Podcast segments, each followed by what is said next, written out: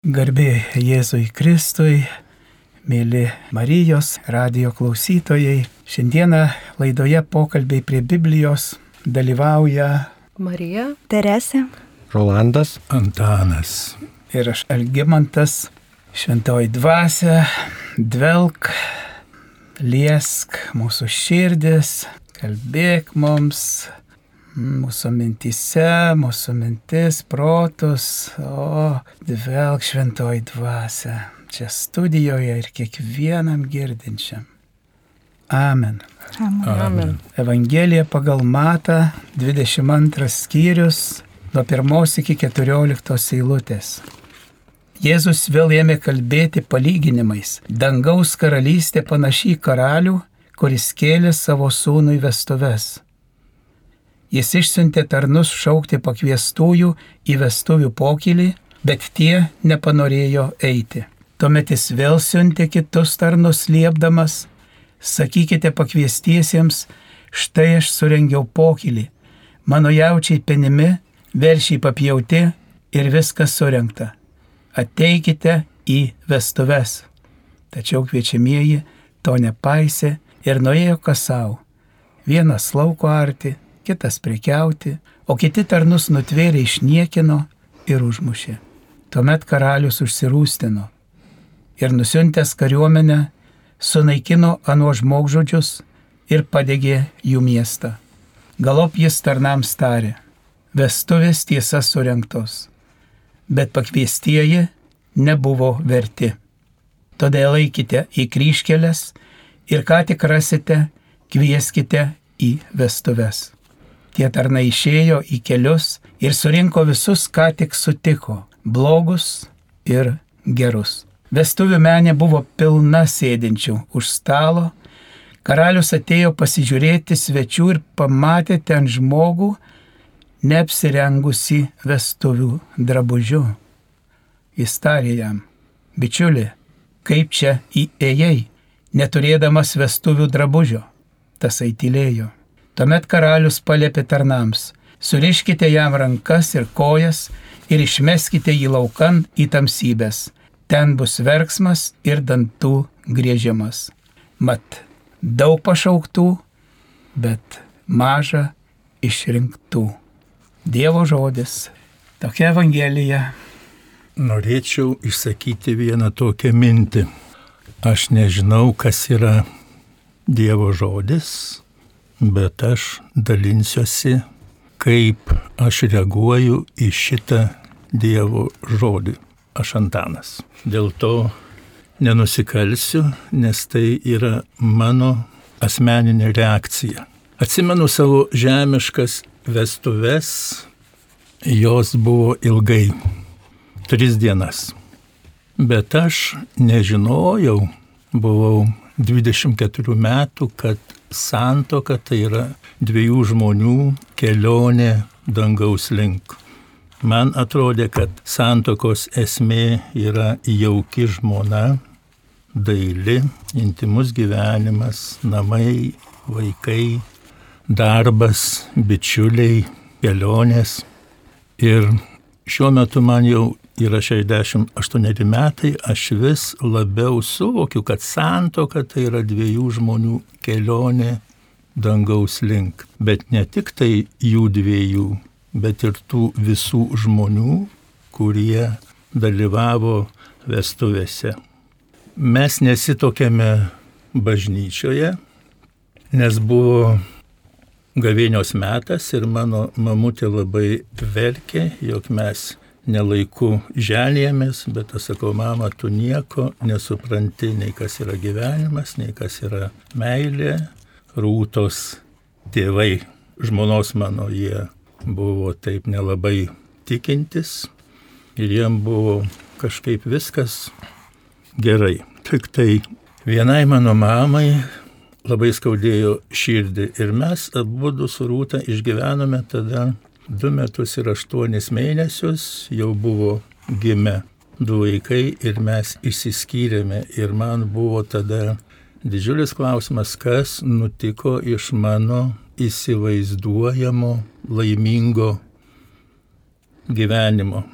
vėlesnių įvykių netęsiu, bet atėjo laikas ir aš suvokiau, kad iš tiesų be Dievo, be santokos, be mūsų žvilgsnio į dangų niekas aplamai nevyksta šitoje žemėje. Visiškai niekas. Atsimenu kažkada tai išsakytą tokią bičiulio savo Beno Ulevičiaus mintį, sako, labai dažnai įsimylėjusi mergaitė, dukra sugrįžta namo ir sako, mama, jis mane ves. Jis mane ves. Aš esu be galo laiminga. Ir šita mergaitė niekada neklausė, kur tas vyras ją ves. Ar į dangų, ar į lovą. Ar jam be miegamojo daugiau nieko ir nereikės. Ir iš tikrųjų viešpats mus nori per santoką, intimumą, per mūsų būti, vaikus, vesti mus dangaus link su visa giminė, su visa šeima. Ir šitas aprašymas vestuvių Evangelijoje tai jis mane nušiurpina, nes vadinasi, jaučiai, vadinasi, jau išrūkyti, viskas iškepta, vadinasi, ten vyno statinės jau laukia ten valgiai ir niekas nenori ateiti vestuves. Tai aš šitokių vestuvių nelabai įsivaizduoju, nes kviestiniai sako, mes neturime laiko šioms vestuvėms, mes neturime laiko kelioniai dangaus link. Ir iš tikrųjų, va, kaip atsimename, Jono Evangelijoje yra vestuvės Kanoje, tai ten viskas yra, kaip sakyt, atvirkščiai buvo viskas išruošta, labai daug vyno, viską, didelės vaišės ir buvo pilna žmonių ten keli šimtai. Ir mes visi žinome, kaip ateina Jėzus, apaštalai, žvėjai ir jie išgeria tie vyrai, žvėjai visą vyną ir Marija stveriasi už galvos, kad jie neturi vyno. Bet viskas užsibaigia nuostabiai, nes Jėzus vyną tą daugina štai dviejos vestuvės ir šitas aprašymas šitų vestuvių kažkaip labai atkreipia mano širdį į tai, kaip skauda karaliui, jog mes nenorime dalyvauti sunaus vestuvėse, nes iš tiesų Jėzus yra mūsų jaunikis ir jisai mus ves. Ir žinot, jisai ves ne į mėgamą į vien, ne tik tai, bet jisai mus ves į dangų, nes jis ištarė, sako, išeinu jums, jums vietos paruošti. Antanai, jei galima paklausti, savo amžių išreiškiai, kuriuo amžiaus laiku, žinau, kad su Jėzum tu nuo jaunystės, bet kuriuo metu šitą supratai, kad be Jėzaus, kaip sakai, nieko be Jėzaus. Šitą suvokiau labai aiškiai, būdamas 28 metų, kai mokydamasis dailės institute šventėme su savo bendrakursiais. Vadinasi, buvo labai toks didelis balius, labai daug visokių gėrimų ir naktį aš išvidau savo vietą visatoje. Dievas atvėrė man tokią didžiulę ugninę skylę, jinai užė šitą ugnis, iš jos ėjo didžiulė smarvė ir ant gamtinė jėga mane vilko į jį ir aš buvau visiškai blaivas. Visiškai, visiškai, nes tai buvo antiek realu, kad tai buvo, nu, šimtas sykių tikra tikriau negu šitas mūsų gyvenimas. Ir mane ištiko šokas, aš norėjau rėkti, bet aš neturėjau balso, vadinasi. Ir aš nieko nenorėjau, nei būti laimingu, nei sėkmingu, nei šeimos, nei vaikų, nei darbo, nei būti ten architektų, tik norėjau vieną - nepatekti į šitą vietą ir kai viskas dingo, atsiminiau savo žodžius, kuriuos išsakydavau mamai. Mama, tik nereikia mūsų gazdinti su amžinaja ugnim. Ir Dievas atvėrė, kad aš būdamas 28 metų, mano vieta yra pragare. Ir jo tai buvo didžiulis impulsas. Ir nuo tada. Ir nuo šito laiko aš ėmiau ruoštis viso gyvenimo išpažinčiai ir vadinasi, ir ėmė viskas rėdėti šleivai ar tiesiai link dangaus karalystės link. Aleliuja. O Rolandai, Dabar kad Rolandas. ne, nebejoju, kad esi tarp pašauktų, visus viešpat šaukia. Toks aš paprastas kaip tarp, darbininkėlis. tarp išrinktų. Taip, kad Dievo karalystė prasideda čia žemėje, iš tikrųjų. Kaip Kristus per Evangeliją mus kviečia ateiti į vestuvės kviečiamieji. Nes jau Kristus, tas Velyko avinėlis jau yra paukotas, jau dabar reikia čia žemėje ruoštis. Ir to Evangelijoje parašyta kviečiamieji nepaisė ir nuėjo kas savo. Vienas lauko arti, kitas prekiauti. Taip kad tie žemiški dalykai, prekiauti, ten užsidirbti ir daugelis galvoja, ir aš anksčiau galvojau, užsidirbsiu, susitvarkysiu gyvenimą, tada tikėsiu, ne, per vėlų bus tada. Tada jau kiti prisirišimai bus. Taip kad čia reikia atsižvelgti į tuos žemiškus dalykus ir statyti tėviškus dalykus pirmoje vietoje. Ir tada viskas, ir darbai seksis, ir viskas klostysis kita linkme ir kitoje šviesoje. Ir šitoje vietoje reikia nesuklysti, kad nes tie prisirišimai labai blogai, kada mes pastatom stabus pirmoje vietoje ir susitvarkysiu gyvenimą, paskiau aš tikėsiu. Tas paskiau gali niekada nebūti to paskiau. Taip kad aš galiu pasakyti drąsiai, kad yra dabar tas laikotarpis tikėti, dabar atsivers, dabar eit prie Jėzaus ir melstis, nes tie prisirišimai, kuo toliau, tuo labiau traukia ir niekada žmogui negana to. Be Jėzaus mes praktiškai nieko negalime padaryti. Gal gali įvardinti kokį, nu, jei gali, Nu, man- prisirišimą įveikiai, Man, man, neseniai, man ar asmeniškai kovojai dar- prie darbo, Ja. prie tų visų veiklų tas prisirišimas buvo, bet labai stiprus. Ir nėra laiko net būna į bažnyčią, čia išvažiuoti reikia darbo reikalais. Bet aš pasakiau, stop, Jėzau, tu numeris vienas mano gyvenime. Ir viskas atsirišo staigiai. Kada savo mintyse konkrečiai turi užtvirtinti, kad Jėzus mane atkovojo, atpirko brangią kainą. Kaip ten bebūtų, bet tie, tie žemiški dalykai yra laikini, jie į dulkes pavirstai. Reikia siekti amžinųjų dalykų, nelaikinųjų.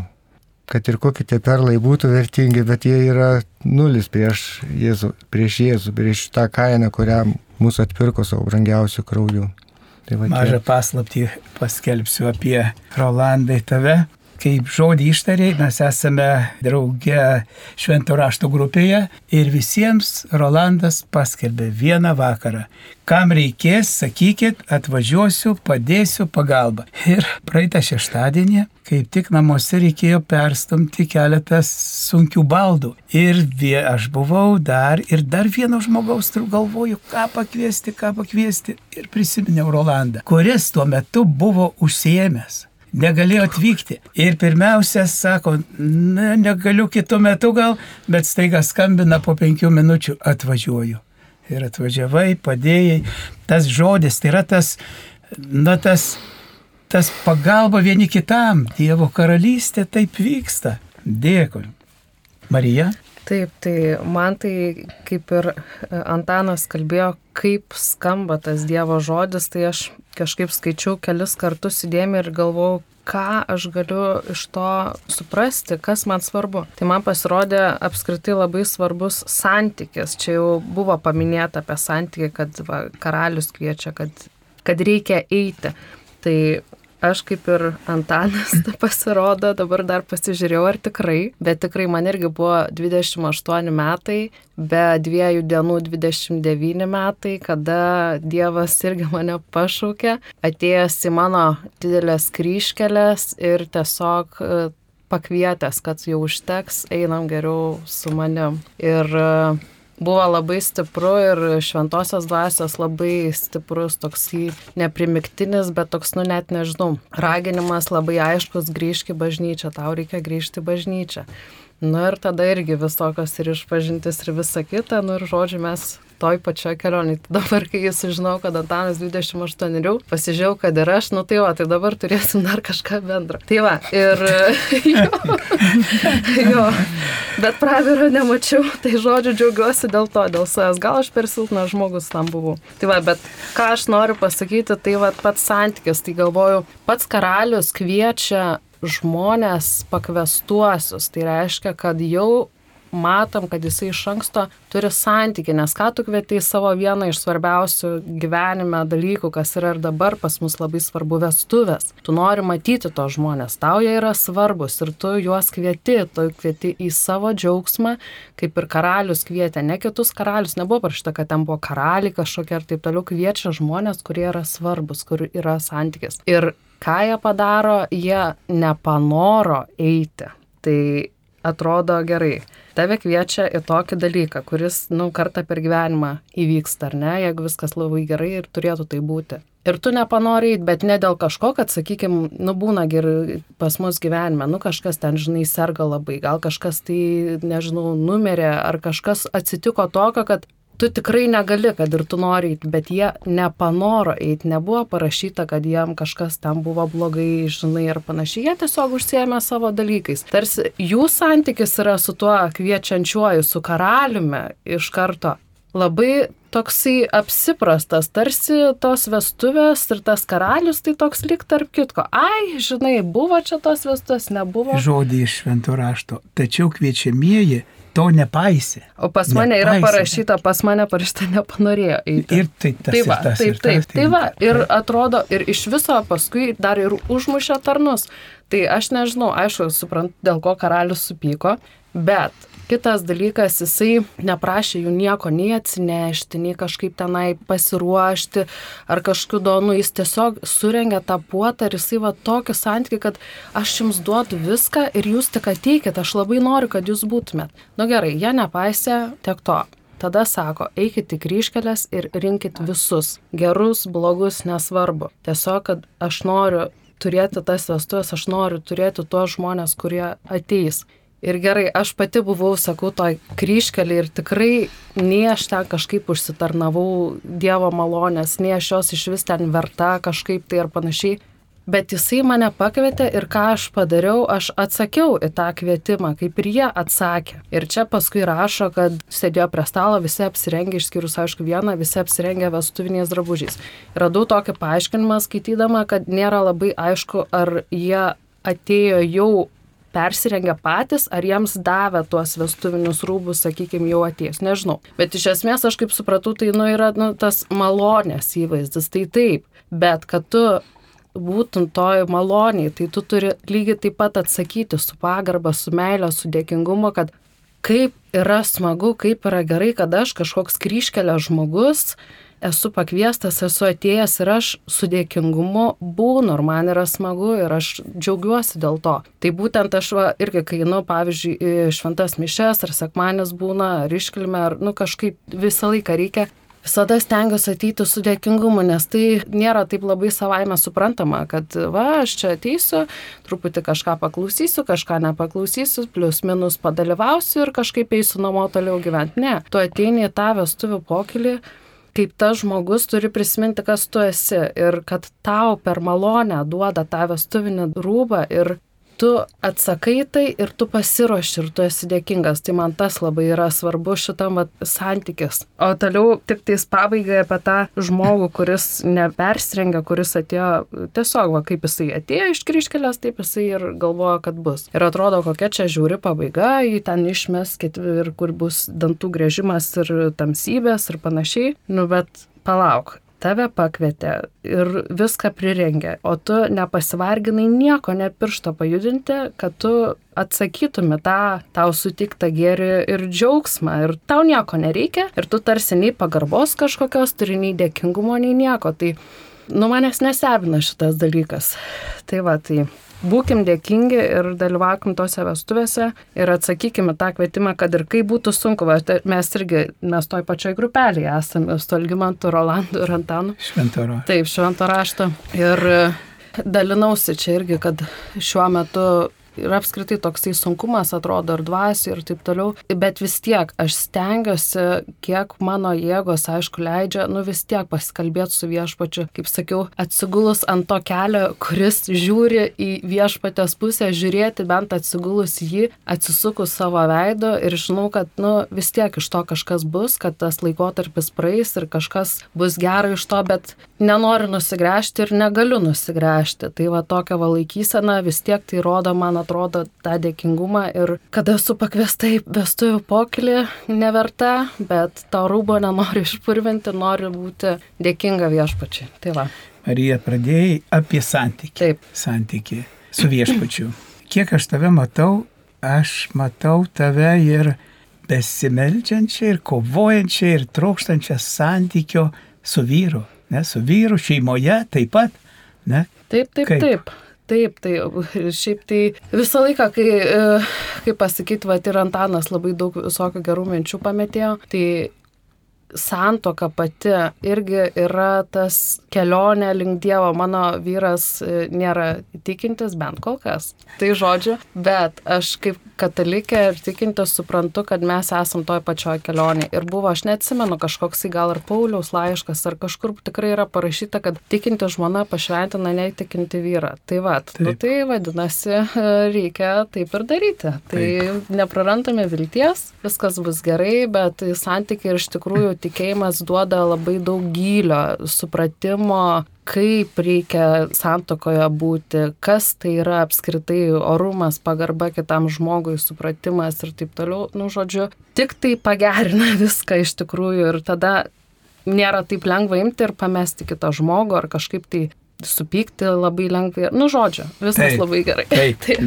dėkui. Terese, mes tavęs nepamiršome, bet kaip aš girdžiu, taip pat, taip tu už santyki su vyru šeimoje, tu taip pat kažką darai, stengiasi. Porą žodžių. Tai aš kaip Marija turiu netikinti vyrą ir, Bet mylinti, ir aš po mūsų šito 13 metų kartu praleisto gyvenimo supratau, kad aš jį tikrai labai myliu, nes mes labai labai daug kartų ištvėrėme. gera girdėti. Ir Antanui labai gera girdėti. Ir Rolandui labai gera girdėti. Meilė šeimoje, mylinti žmona. Dėkui. Man kaip ir Marijai, vestuvės arba santoka labiausiai atspindi sandoro santyki tarp Dievo ir jo tautos. Tai yra mūsų. Dievas surengė pokylį, suruošė mums dangų, kad žmogus galėtų amžinai džiaugtis Dievu. Ir aš manau, kad jau šiame gyvenime mes galime džiaugtis Dievu, švesdami Euharistiją. Pastebėjau, kad kai kurie žmonės netiki tokiu karaliaus dosnumu, nes tiesiog jo nepažįsta ir šiame skaitinėje matėme, kad jie nueina kas savo. Tokie žmonės Dievui tiesiog yra abejingi. O tokia kadaise buvau ir aš, kaip ir jūs. tai išgirdavau gerąją naujieną, tačiau apsisukus grįždavau prie savo ankstesnio gyvenimo.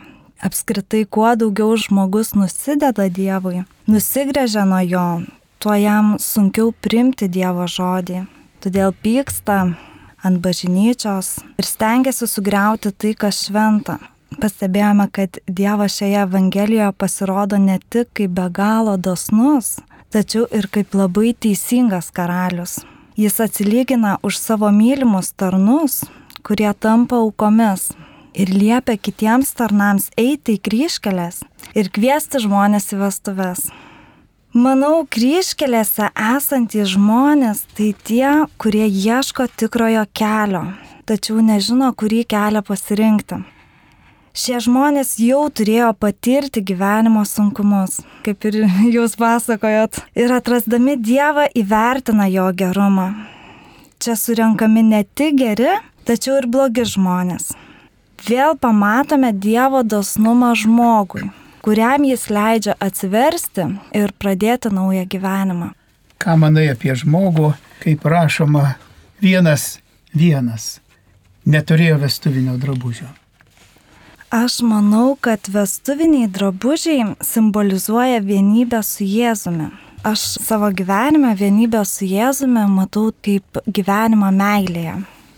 O šis žmogus galėtų simbolizuoti bažnyčios narį, kuris kaip judas mokinasi iš Jėzaus, būna šalia, tačiau niekam nežinant išduoda. Nenorėčiau tokio tapti, juk Dievas žino kiekvieną mūsų darbą, mintį ir intenciją, todėl už viską mes turėsim atsiskaityti teisme. Tai nėra lengvas kelias. Jėzus net sako, kad daug yra pašauktųjų, bet mažai išrinktųjų. Todėl svarbiausias mūsų gyvenimo tikslas tai yra sutikti Jėzų. pažinti jį per Dievo žodį, maldą ir švenčiant Euharistiją dalyvauti vestuvių pokylyje. Taip darai, darai šitai. Taip. Man labai buvo įdomu šitoj Evangelijoje, apie ką užsiminė Teresė ir Marija, kad išėjo tie tarnai ir surinko blogus ir gerus ir jie ten atsisėdo už iškilmių stalo.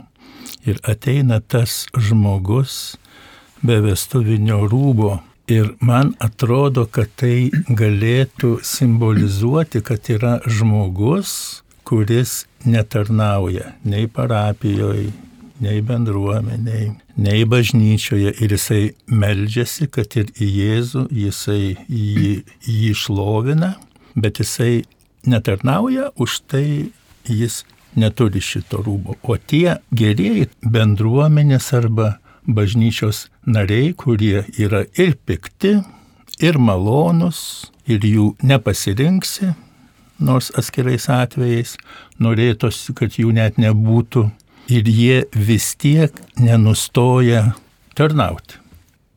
Na, va, tokia buvo mintis. Primenu, kad mes dalyjamės Mato Evangelija 22 skyrius nuo 1 iki 14 eilutės. Ir kalbame apie Dievo karalystę. Daug pašauktų, mažai išrinktų. Ir viešpats kviečia į ką, į kažką nepaprasto.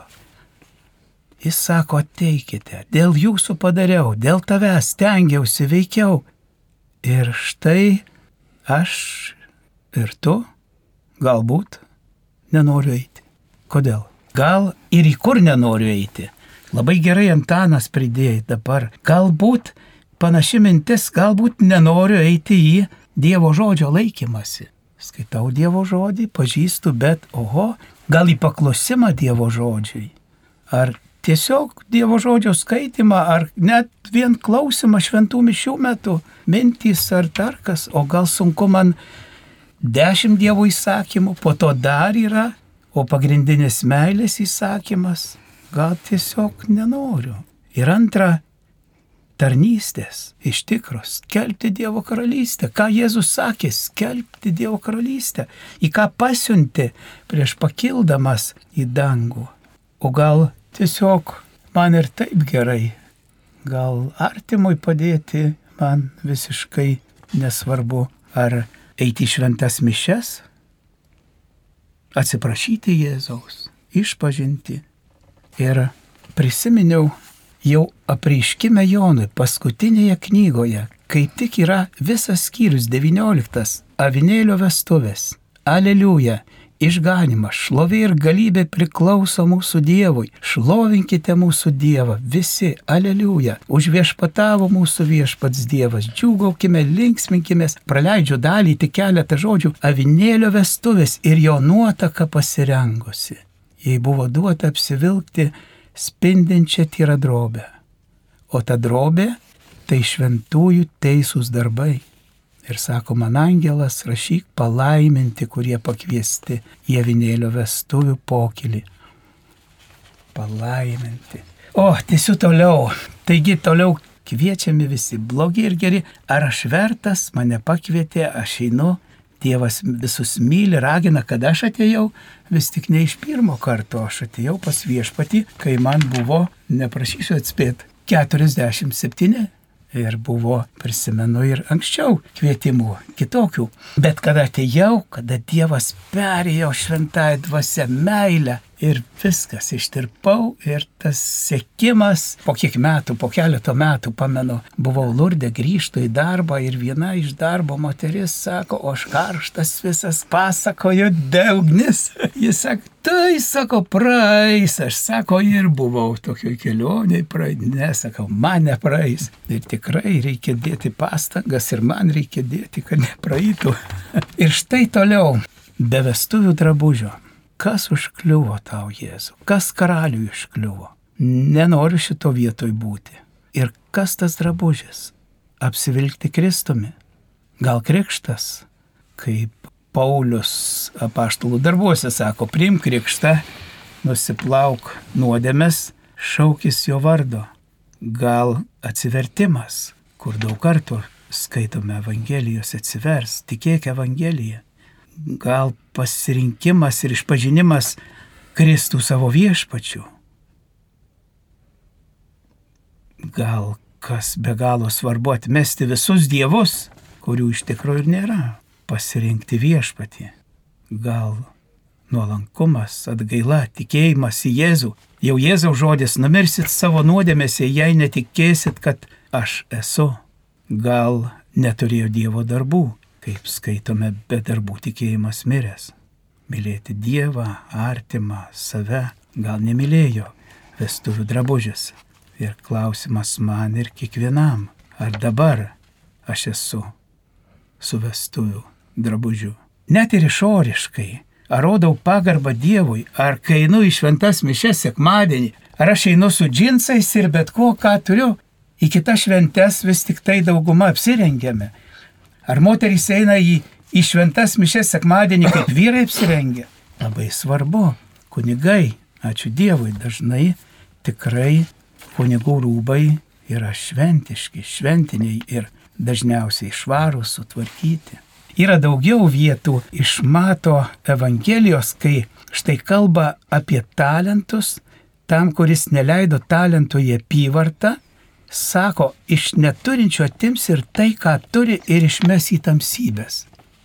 Talentas. Turime talentus, iš viešpaties gavom, nenaudojam, praleidau gyvenimą. Luko Evangelijoje netikintiems šeimininkas tarė, aš nežinau iš kur jūs eikite šalin nuo manęs visi piktadariai ir ateis iš rytų, vakarų, šiaurės, pietų ir sėsis prie stalo Dievo karalystėje. Netikintiems, sako, netikintiems. Ir kiek kartų Jėzus pabrėžė, tikėk, tikėk, padėk tikėti viešpatė. Tai visa apie patekimą į Dievo karalystę. Gal turime mintį. Jo, labai svarbu pavesti Jėzui, ką bedarytume visus darbus, rūpeščius, visas svajonės, viską pavesti sveikatą savo. Labai svarbu, nes tikrai gyvenimas yra vertas to. Mums reikėtų neužmiršti vieno dalyko tokio. Vienoje knygoje buvo rašoma, žmogus klausė, kaip įeiti į Dievo akivaizdą. O senolis atsako jam, o tu pabandyk iš jos išeiti.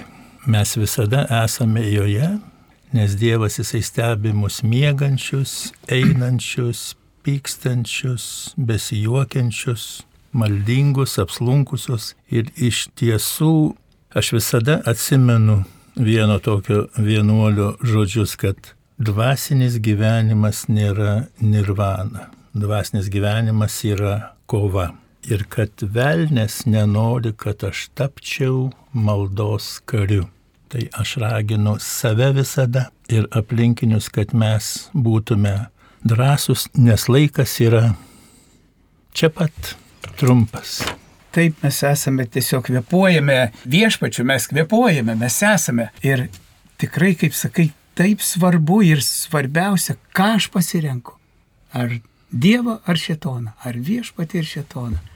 Aš tai noriu tik tais ir priminti ir savo, ir apskritai visiems, kokią kainą buvo yra ruošiamas mūsų pokelis ir kokią kainą Jėzus sumokėjo už tai, kad mes galėtumėm tenai būti. Tai irgi Antanas truputėlį buvo užsiminęs apie vestuvės kanoje, tai mes puikiai žinom, kad mūsų švenčiausia mergelė Marija pastebėjusi, kad trūksta vyno, paprašė Jėzus, gal tu padaryk taip, kad to vyno netrūktų, nes jo trūksta. Jisai galėjo gal ir sakyti ne, bet pasakydamas taip ir padarydamas savo tą pirmąjį stebuklą, jisai priartino savo kančią. Jisai priartino tą kainą, kokią jis turėjo sumokėti už tai, kad mes galėtumėm dalyvauti jo vestuvių po to. Tai man atrodo, tas yra labai svarbu ir pavyzdžiui, ir einant į bažnyčią, ar būnant adoracijai, tu esi kaip ir Tanas sakė, mes visada Dievo akivaizdoje, bet taip, kad mes matytume savo fiziniam akim Dievą e, Euharistijoje,